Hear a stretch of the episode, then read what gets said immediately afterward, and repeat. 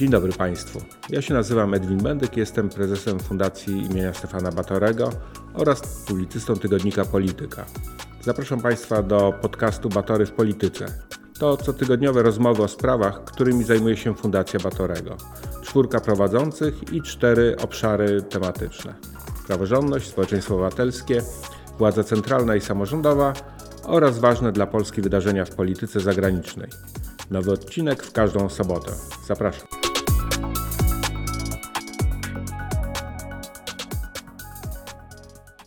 Dzień dobry Państwu, ja się nazywam Łukasz Pawłowski i zapraszam do wysłuchania kolejnego odcinka podcastu z serii Batory w polityce.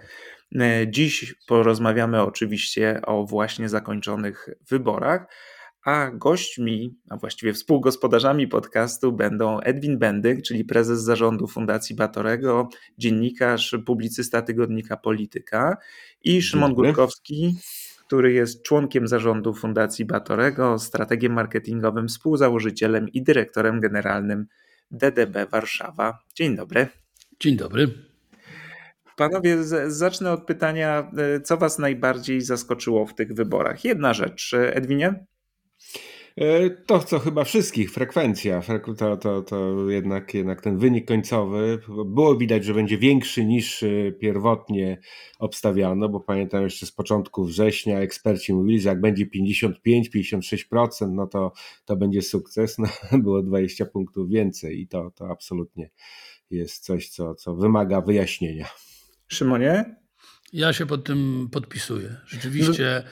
frekwencja jest niezwykle zaskakująca y, i bardzo dobrze wróży polskiej demokracji na przyszłość. O to, o to, to zacznę od pytania do ciebie właśnie, o to jak interpretować tę frekwencję. Czy ona jest właśnie wyrazem takiej mm, troski o stan państwa, wyrazem przekonania o tym, że mój głos ma znaczenie, a w związku z tym, tak jak powiedziałeś, dobrze wróży demokracji, czy ta inna interpretacja jest mm, może y, dopuszczalna, czyli że jest wyrazem strachu przed drugą stroną albo wrogości, polaryzacji polskiej polityki, czyli ludzie poszli nie tyle dlatego, że wierzą w jakąś bardzo pozytywną zmianę, tylko bardziej obawiają się tego, co mogłoby nastąpić, gdyby nie poszli. Możemy tylko wnioskować na podstawie badań, które mieliśmy przed wyborami. Mhm. Y, teraz na pewno będzie się pojawiać y, dużo nowych badań i za parę tygodni będzie można powiedzieć więcej. Natomiast na podstawie badań tych przed wyborami myślę, że odpowiedź jest i tak, i tak. To znaczy, że część z osób poszła przeciwko E, w związku z tym politycy, e, jeszcze opozycja, za chwilę, e, miejmy nadzieję, koalicji rządowej, muszą być bardzo uważni i też zrozumieć, dlaczego dostali głosy, bo nie zawsze dostali głosy konkretnie na swoje programy, czyli część ludzi poszła rzeczywiście ze strachu. Niezwykle był istotny strach kobiet przed tym, co może ich czekać w przypadku zwycięstwa obecnej partii.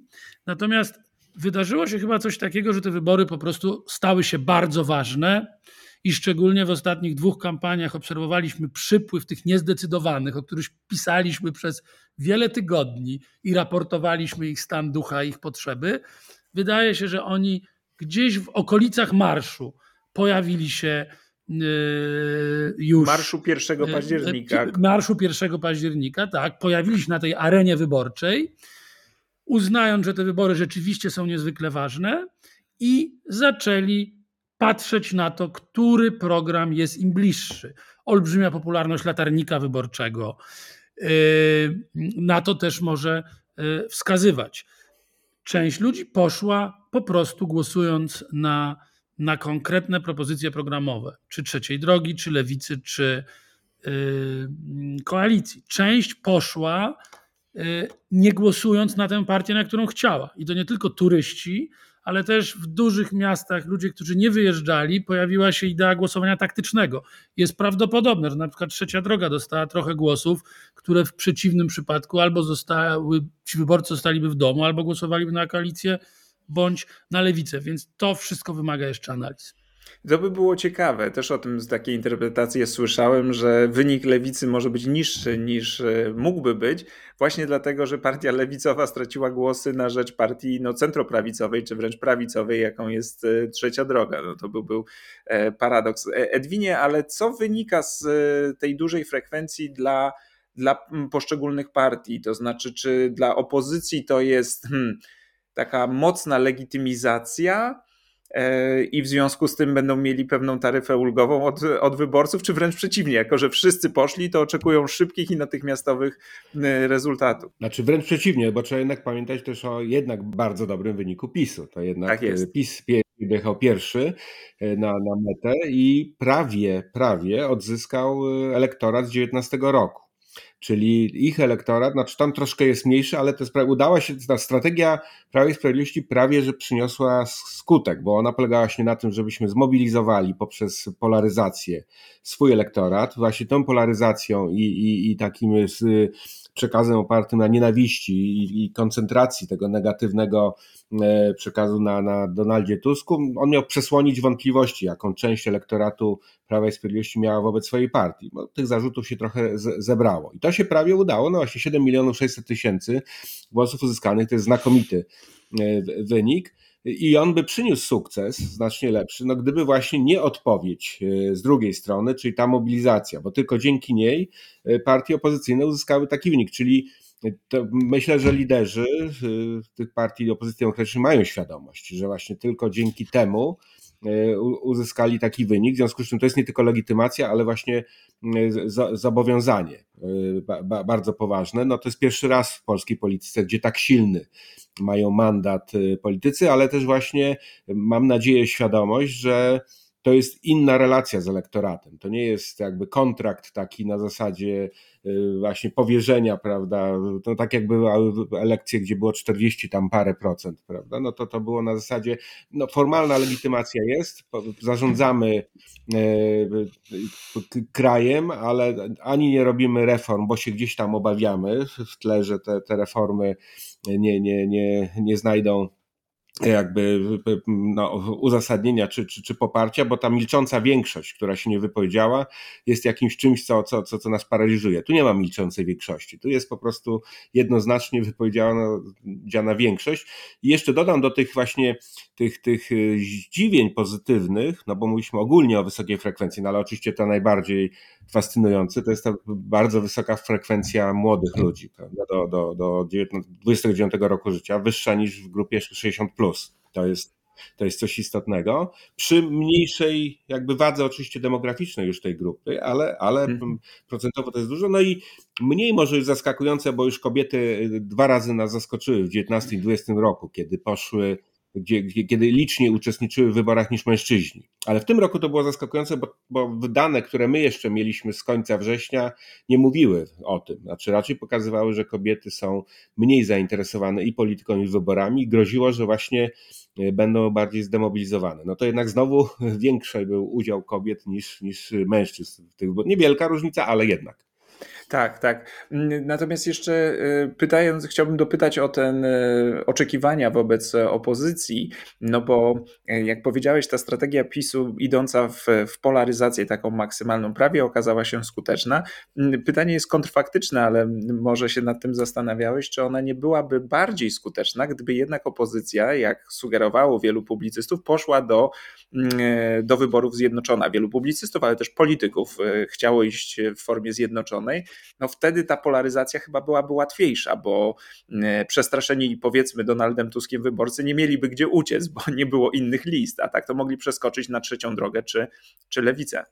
No właśnie, ja, mi się wydaje, że, że jedna lista mogła się zakończyć klęską w tej, w tej sytuacji, prawda? Bo właśnie by spowodowała osłabienie, zmniejszenie, e, ale też nie wiadomo, jaka byłaby dynamika kampanii. To jest ten problem, że gdyby była ogłoszona odpowiednio wcześniej jedna lista, mogła być zupełnie inna dynamika kampanii, że to mogłoby rozbić z kolei komunikat polaryzacyjny Prawa i Sprawiedliwości, więc zależy o którym, no, zapominamy o tym, jak szybka to była kampania, jak szybko zmieniały się jej warunki. Jeszcze w kwietniu e, rozmowa z liderami nawet liderkami, bym powiedział, politycznymi opozycji, o tym, że kobiety można mobilizować, wydawała się abstrakcyjna, bo wtedy dogmatem, znaczy marzeniem wtedy było ewentualne uzyskanie poziomu mobilizacji takiego jak w 19 roku czy w 20 roku, prawda? Bo, bo, bo tak, tak wydawało się z badań, że jest duża niechęć. No i też w naszych badaniach też, też to było, że poziom zniechęcenia z jednej strony dopisu, jednoznaczny. No, większość ludzi się wypowiadała przeciwko partii rządzącej, ale tylko około jednej trzeciej, niewiele powyżej jednej trzeciej też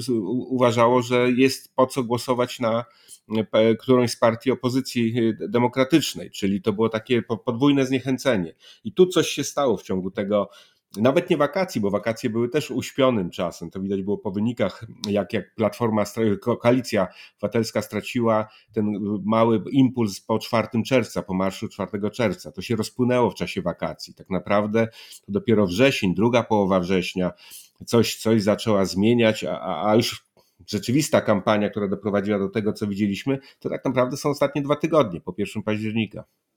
No tak, tu mieliśmy cały wysyp wydarzeń na czele z aferą wizową. Politycy PiS twierdzą, że, że to też miało wpływ na ich wynik. Ale chciałbym e, teraz zapytać Szymona o mm, e, rezultat właśnie Prawa i Sprawiedliwości, bo w tych badaniach e, Fundacji Batorego był też ciekawy wniosek i ty mi mówiłeś o tym w, w jednym z podcastów, które nagrywaliśmy, że ludzie właśnie z jednej strony zniechęceni do PiSu, ale z drugiej strony obawiają się tej, tych rządów opozycji.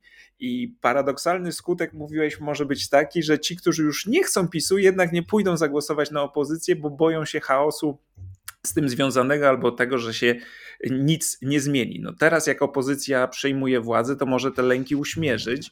Więc pytanie, czy to jest szczyt poparcia też dla Prawa i Sprawiedliwości, czy, czy, czy nie? Czy to, czy to jest szczyt poparcia dla Prawa i Sprawiedliwości, to trudno powiedzieć. Wydaje się, że w obecnej Polsce to jest absolutny szczyt poparcia dla Prawa i Sprawiedliwości. Natomiast to, czy to poparcie będzie spadać, czy rosnąć, to już w większym stopniu zależy teraz od partii opozycyjnych, od tego, mhm. jak skuteczny będzie rząd, który powstanie, y, i y, niż y, na, na razie od działania PiSu. Natomiast ja się rzeczywiście absolutnie zgadzam z Edwinem. Ten wynik PiSu jest bardzo dobry. Jednak, jak pokazują mapy y, wyborów, patrząc na, mobilizacja była większa y, w miejscach, które poparły opozycję. Czyli mimo bardzo dużej mobilizacji wyborców PiSu była gigantyczna mobilizacja przeciwników PiSu. I to była zarówno mobilizacja przeciw, pewnie w przeważającej mierze, ale też pewnie była to mobilizacja za. I teraz, dlaczego ten mechanizm, o który pytasz, nie zadziałał? To są te dwa tygodnie. Dwa tygodnie rzeczywiście były decydujące. Mamy do czynienia z marszem 1 października, który okazuje się olbrzymim sukcesem. Nie sposób jest zakłamać tłumy widzące z dronów. Tłumy biało-czerwone, to też bardzo ważne. Y, pozytywny patriotyzm w wydaniu obywateli, Czyli takie poczucie chyba oczywiste, że to był sukces ludzi, którzy przyszli. Oczywiście też polityków, którzy ich tam zaprosili, ale po pierwsze ludzi, którzy przyszli. Mamy na scenie yy, Czarzastego, Trzaskowskiego, yy, Tuska, Biedronia. Yy, mówiło się, że zabrakło kobiet w tym kluczowym momencie na scenie. Niemniej jednak było pokazanie jedności, ponieważ w tłumie był też, i to wybrzmiało, Kobosko, był Petru z trzeciej drogi. Y, było wrażenie, że opozycja była razem. I kolejny bardzo ważny element to jest y, debata, w której możliwe, tego znowu nie wiemy, to wymaga głębszych analiz, ale ja bym taką hipotezę postawił, że słaby występ Donalda Tuska, który i tak zebrał lepsze oceny niż de facto pewnie zasługiwał, y, ten jego występ, nie on sam, dał poczucie równowagi. To znaczy, nie było dominacji jednej, tej największej, najbardziej znanej partii. Świetny występ Hołowni, bardzo dobry występ Shering Wielgus.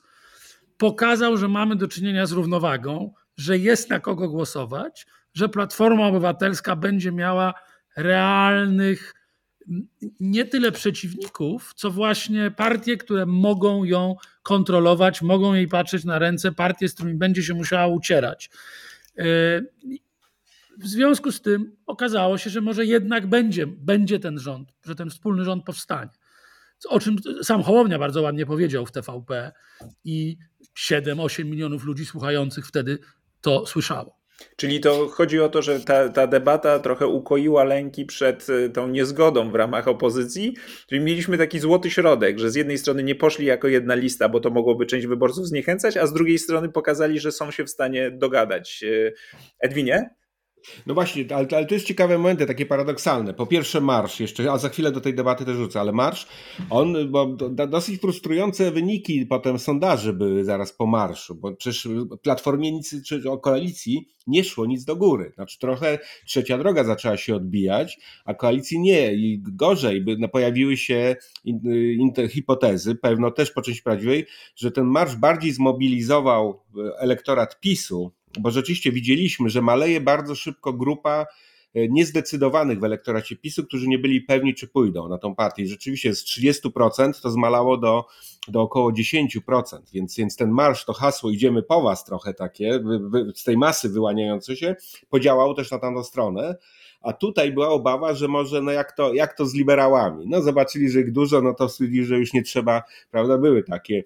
No i to jest, to jest jeśli chodzi o tę kwestię. Natomiast y, debata, no to w zasadzie Mateusz Morawiecki dużo pomógł. Znaczy znowu z myślą o swoim elektoracie, jak powiedział, y, trzy na jednego banda Rudego, prawda, definiując y, że wrogiem już jest cała opozycja, już nie tylko Rudy, prawda, ale że cała opozycja to jest ten symbol zła. I potem zresztą kampania PiSu się już przekierowała, już odeszła od samego Donalda Tuska, tylko zaczęto jako symbol chaosu ten, ten, ten, ten triumvirat jakby pokazywać. Więc, ale to jednocześnie zalegitymizowało w elektoracie demokratycznym tę, tę, tę jedność, prawda? Skoro nawet tamta strona widzi tę jedność, no to, to, to, to tylko pogłębiło. Więc to był taki no, najprawdopodobniej błąd retoryczny, który, który był kluczowy w definiowaniu y, wobec jednego i drugiego elektoratu. Szymonie? Jeśli mogę tu ciągnąć y, ten wątek, który mm, poruszył Edwin, dokładnie tak, też trzeba to powiedzieć. PiS po prostu przesadził. W związku z tym y, na ostatnich mm, metrach tej kampanii on tą kampanię przegrał. E, PiS przesadził z propagandą w TVP, Morawiecki przesadził z butą i propagandą też właśnie w tym wystąpieniu w TVP. To w złożeniu, y, to wiemy z, z, z, badań, że wyborcy oglądający TVP już od kilku miesięcy szukali y, informacji również w TVN-ie. Tam widzieli zupełnie y, inną Polskę, też widzieli inną twarz opozycji. W związku z tym, Y, PiS był skuteczny w przekonywaniu swoich wyborców, ale też był bardzo skuteczny w przekonaniu wyborców opozycji, że to już, że już dość. Ale to gdzie popełnili błąd? To znaczy, że tymi atakami personalnymi, no głównie na Tuska, e, to, to, jest, to, to, był błąd? Czy błędem było to, że za bardzo próbowali pudrować rzeczywistość i twierdzić, że w Polsce nic złego się nie dzieje, że jest wspaniale, mimo tego, że ludzie dostrzegają na przykład skutki inflacji i zresztą w badaniach fundacji także była o tym mowa, że te kwestie gospodarcze są dla nich ważne, a tutaj rząd im mówił, że jeżeli im brakuje pieniędzy, to muszą żyć w jakiejś alternatywnej rzeczywistości, bo wszystko jest w porządku, a ceny nie rosną. Czy z kolei popełnili błąd, jak gdyby mając taką niespójną strategię wobec y, partii opozycyjnej, bo opozycyjnych pozostałych, bo albo ich nie dostrzegali, albo ich zaczynali atakować, tak jak właśnie w tej debacie, y, próbując złączyć z Tuskiem. I to szczególnie ten, ten brak spójności chyba było widać w, w, w stosunku do Konfederacji, ale może o Konfederacji za chwilę. Więc gdzie ten błąd? Te, te pudrowanie rzeczywistości, za duży atak na Tuska, czy dowartościowanie Hołowni? To znaczy tak, ja myślę, że jeśli chodzi o własny elektorat, to mimo wszystko PiS właśnie wykonał praktycznie prawie wszystko, co można, żeby, żeby zrobić, żeby Aha. właśnie przez ten polaryzacyjny komunikat zasłonić deficyty. Również aferę wizową. Wiemy z badań, że ona wyszła z bańki, bo była obawa, że to tylko funkcjonuje.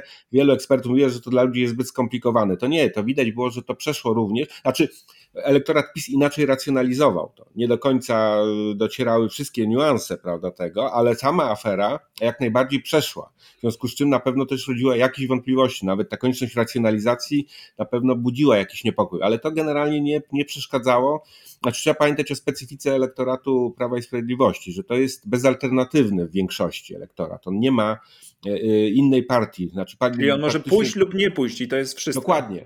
Więc jeżeli jest odpowiednio przestraszony, jeżeli odpowiednio jest, jest ten, ten, no to, to, to pójdzie, za, za, zagłosuje jednak na tą partię, która nie jest doskonała, ale, jed, ale jest tą jedną, z którą się czuje zjednoczony. Tam y, Chociaż oczywiście jakieś małe szczeliny były, na przykład 5% elektoratu PiS jako partii drugiego wyboru skazywało trzecią drogę i tam być może też parę tych punkcików się zebrało, czy, czy, czy nawet jakiś ułamek punkcika z tego. Paradoksem było, i to chyba, jeżeli takie błędy strategiczne, no to nadzieja Prawa i Sprawiedliwości, że na przykład bezpartyjni samorządowcy będą rozbijać obóz demokratyczny. Oni byli groźniejsi dla PiSu. Okazuje się, że właśnie dla bezpartyjnych samorządowców partią drugiego wyboru były znaczy, że on, znaczy bezpartyjni byli bardziej partią drugiego wyboru dla y, elektoratu PiS niż dla partii demokratycznych, więc tam ileś takich, no ale to są na granicy, mówimy o małych o fragmentach punktów procentowych przy tej skali, prawda?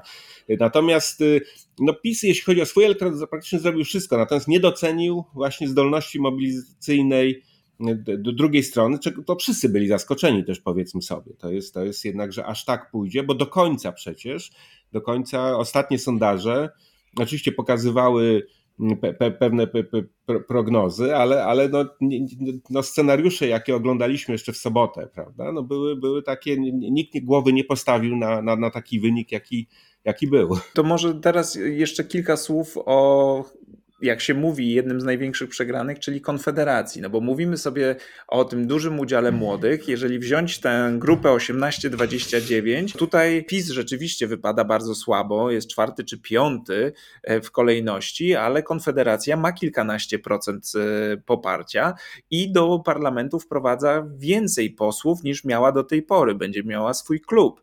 Mm, e, więc to jest pytanie, czy to jest porażka, czy to jednak jest przyzwoity wynik dla tej partii partii.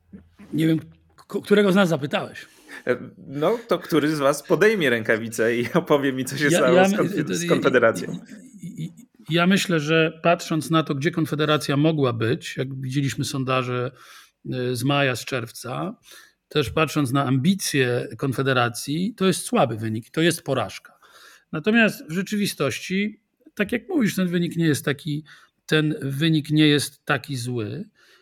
Jest znowu jesteśmy, dzisiaj stawiamy sporo hipotez, które część się uda zweryfikować, a część po prostu e, e, nie będzie się udało zweryfikować, ale jest możliwe, że, że, aktywność Konfederacji w internecie też przyczyniła się do rozbudzenia apetytu na wybory młodych, ale e, to się zderzyło z grupami innych młodych, którzy zaczęli pokazywać, jaka jest prawdziwa twarz Konfederacji czyli że Konfederacja zainteresowała część grup młodych polityką, ale na końcu te głosy jej e, nie, nie przypadły. Taki mechanizm też jeszcze jest możliwy, bo nie powiedzieliśmy o, może chciałeś zapytać za chwilę, o trzecim największym wygranym e, tych wyborów i tej kampanii, e, no bo zakładamy, że PiS mimo, że przegrał ma dobry wynik, oczywiście wygrały partie opozycyjne, tym trzecim aktorem jest społeczeństwo obywatelskie, zorganizowane w organizacjach formalnych i nieformalnych.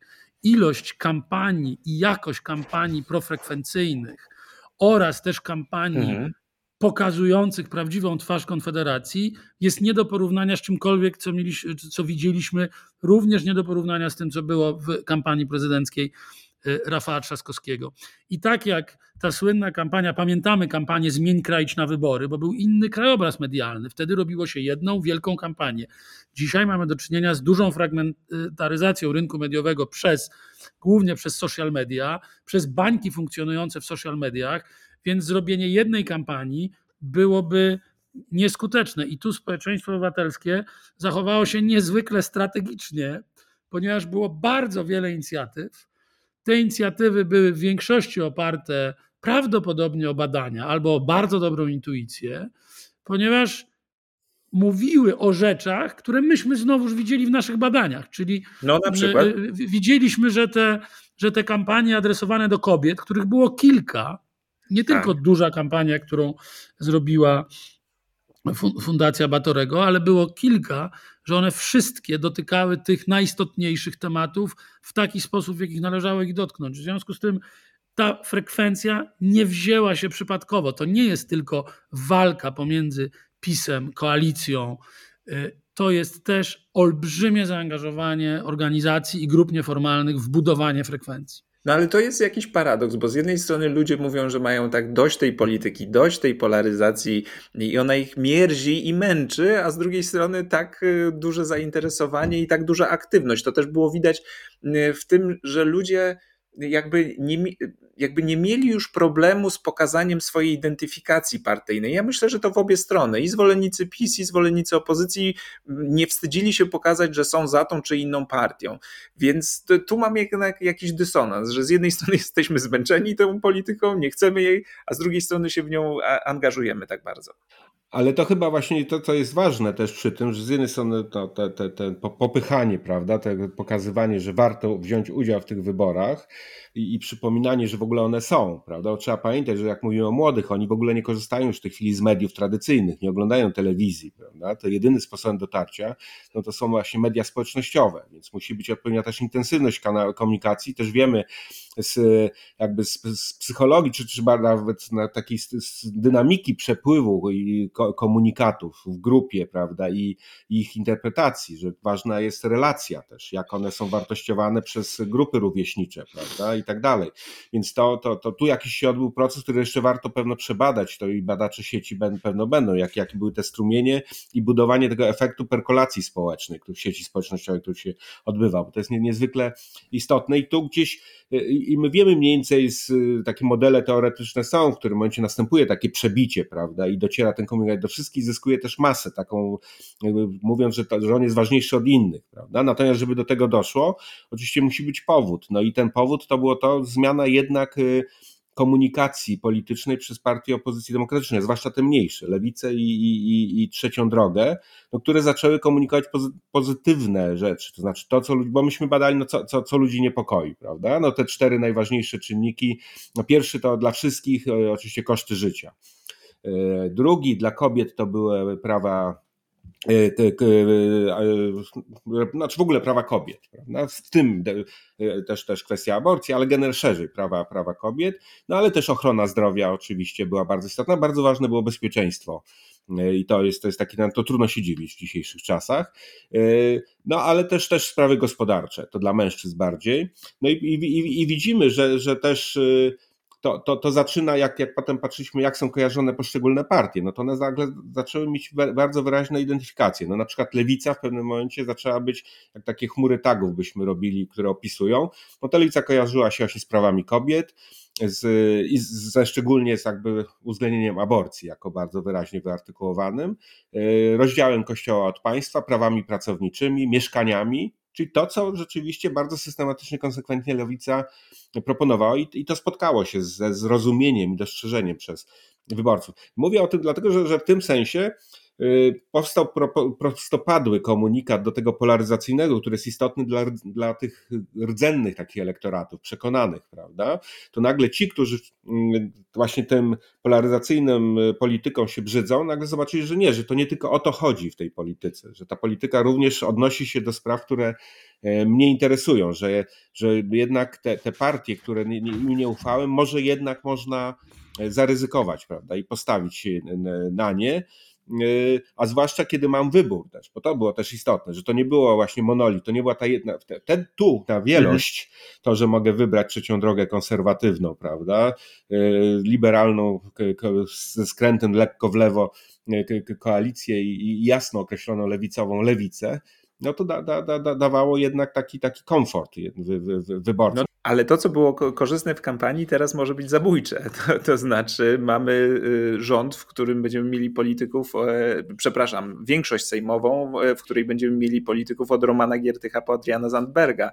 Więc to jest pytanie, e, na ile to, to się da utrzymać. To znaczy, na ile te oczekiwania rzeczywiście przez polityków będą mogły być spełnione, przynajmniej a jak wiadomo, y, jeżeli już mówimy o udziale młodych, to też mówi się o młodych, że oni raczej oczekują szybkich rezultatów, a nie, e, a nie mają cierpliwości tutaj do długich negocjacji.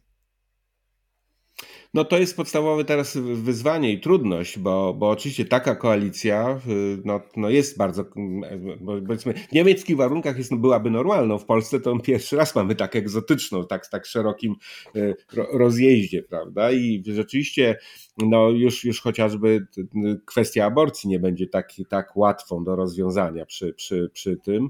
E, jest więcej kwestii, które są bardziej jednoznaczne i, i oczywiście no, no to, to jak zwykle e, no, będzie ten, ten e,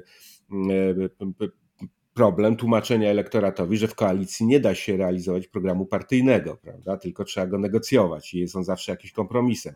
No i to politycy to, to jest zawsze najtrudniejsze ich zadanie. Natomiast inną sprawą jest, to rzeczywiście, że ludzie, elektorat, wyborcy mogą nie zrozumieć y, tego, co, co nas czeka, po prostu niewątpliwie ze względu na kontekst polityczny i inne uwarunkowania, jak chociażby prezydent, prawda? I to, że będziemy mhm. mieli no, politykę, która no nie będzie mogła być skuteczna z definicji, bo będzie najprawdopodobniej. No, może się coś zmieni, ale na razie wszystko wskazuje na tym, że prezydent będzie raczej y, hamulcowym niż, niż, niż, niż pomocnikiem tutaj w realizacji programu y, opozycji demokratycznej. No i, i tu rzeczywiście to zniecierpliwienie może się y, po, po, pojawić, bo trudno je będzie tłumaczyć. To znaczy, gdzieś, no oczywiście argumenty mogą być najlepsze, ale dla wyborców niezrozumiałe ze względów czysto takich psychologicznych. Y, Szymonie, to jeszcze zanim y, dodasz do tej kwestii, to ja wrzucę jeszcze jeden temat, bo może takim sposobem dla opozycji na przekonanie wyborców o swojej skuteczności, no to są jakieś rozliczenia, o których się szeroko mówi wobec y, przedstawicieli obecnej władzy, chociażby e, nie tylko w rządzie, ale i w mediach publicznych. To się da zrobić w miarę e, łatwo, ale to chciałbym dopytać, czy w badaniach prowadzonych przed wyborami było tę potrzebę rozliczeń e, widać? To już takie dodatkowe pytanie. Tak, zdecydowanie tak. Było to, było to widać, ale to nie jest powszechna potrzeba. To nie na potrzebie rozliczeń dzisiaj wygrała, znaczy parę dni temu wygrała opozycja. Y, na pewno w elektoracie, takim korze elektoracie opozycji, głównie w elektoracie koalicji obywatelskiej, ta potrzeba rozliczeń była y, wysoko. I, I, oczywiście no to partie opozycyjne w naturalny sposób kojarzyły się z rozliczeniem e, władzy. Jeżeli spojrzymy na szerszą grupę, to na pewno TVP, nie, może nawet nie tyle rozliczenie, to skończenie z propagandą w TVP, powrót do medium, które jest bardziej neutralnym medium publicznym, to jest ważne dla wszystkich. E, jeśli opozycja skupiłaby się tylko na rozliczeniach, to nie wypełni tego mandatu, który to jest ważne też dla, jakby dla, dla, przyszłości, no, dla powrotu nie tylko prawa, ale i etyki do funkcjonowania polskiej polityki. Niemniej jednak to nie wypełni w całości mandatu, który dostała. Opozycja wygrała tak jakby trochę na kredyt i powinna zrozumieć warunki tego kredytu bardzo dobrze Y, byłoby y, niedobrze, gdyby partie założyły, że wygrały tylko dlatego, że zaprezentowały taki program, a nie inny. Nie. Część głosów Platforma dostała dlatego, że jest po prostu najbardziej znaną partią.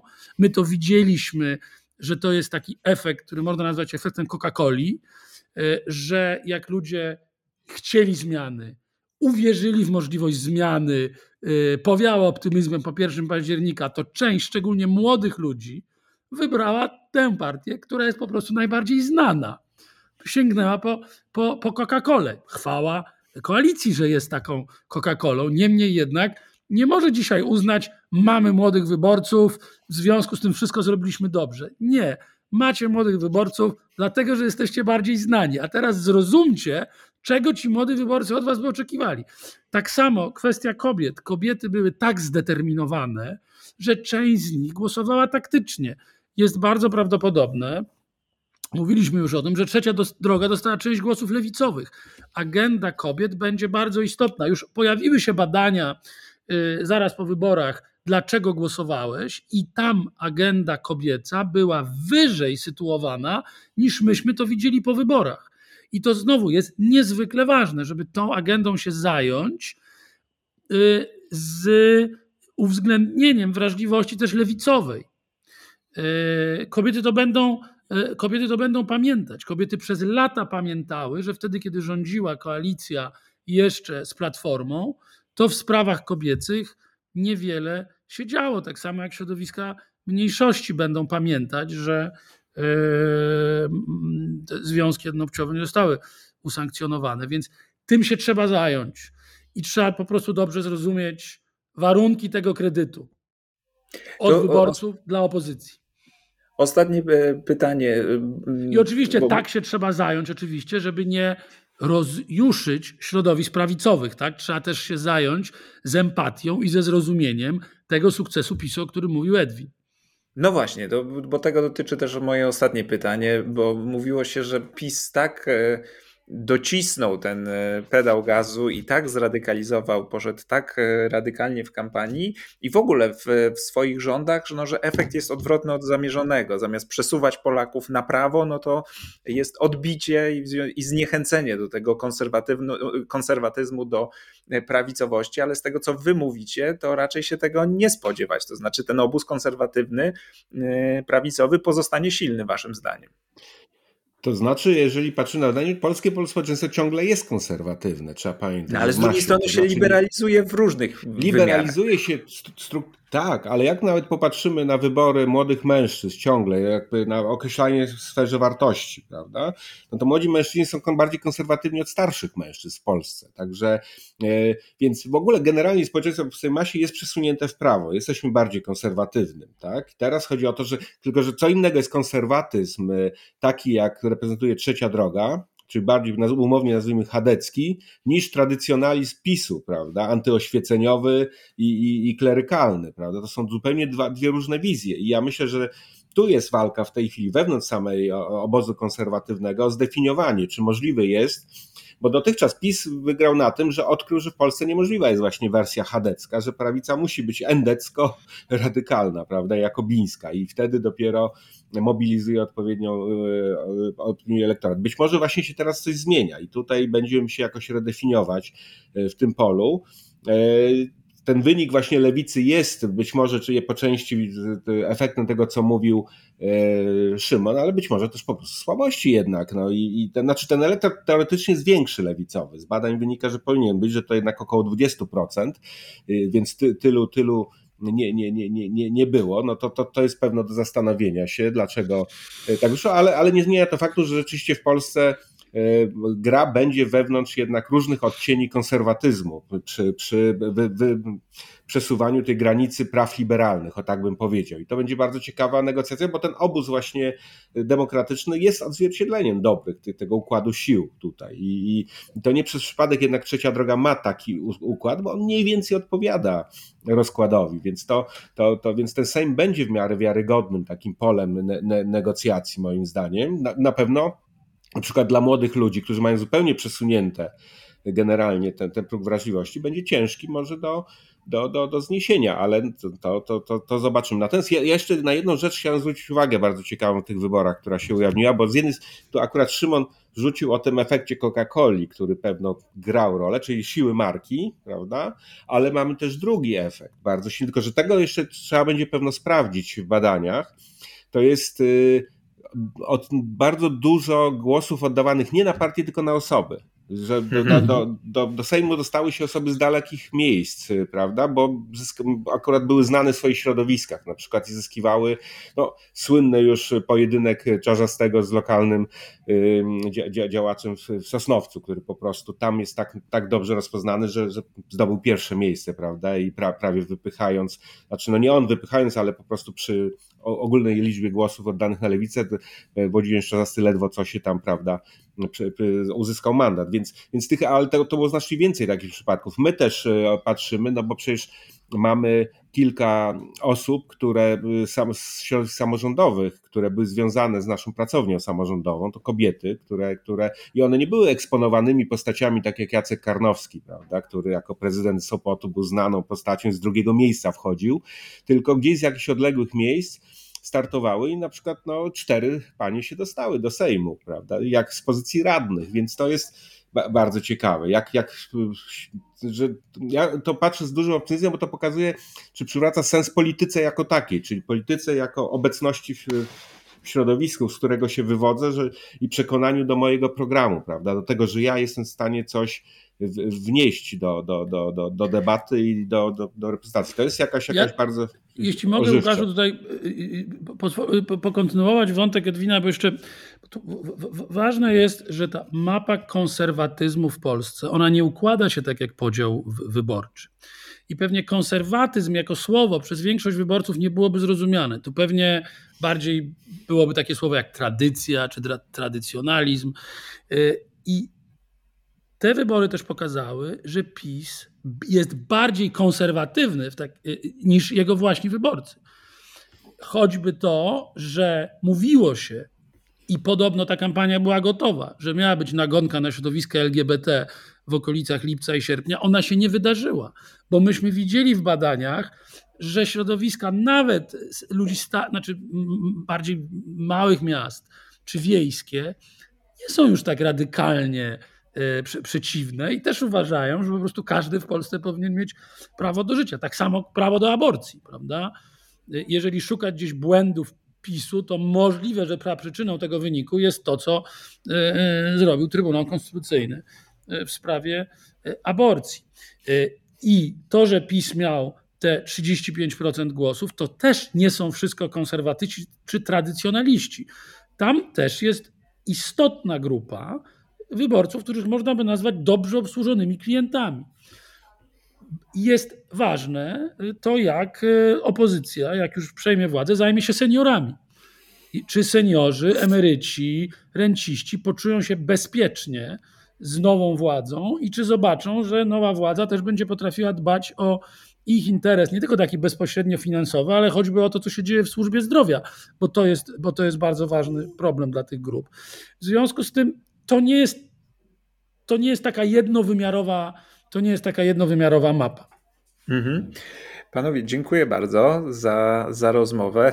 Będziemy do, do tego jeszcze nie, niejednokrotnie wracać do tych analiz, a Państwa też e, zachęcam, bo rozmawialiśmy trochę o mediach społecznościowych, a przecież Fundacja Batorego publikowała całą serię raportów dotyczących tego, jak przepływały pieniądze w mediach społecznościowych, na jakie reklamy, kto i gdzie wydawał, więc warto do tego sięgnąć.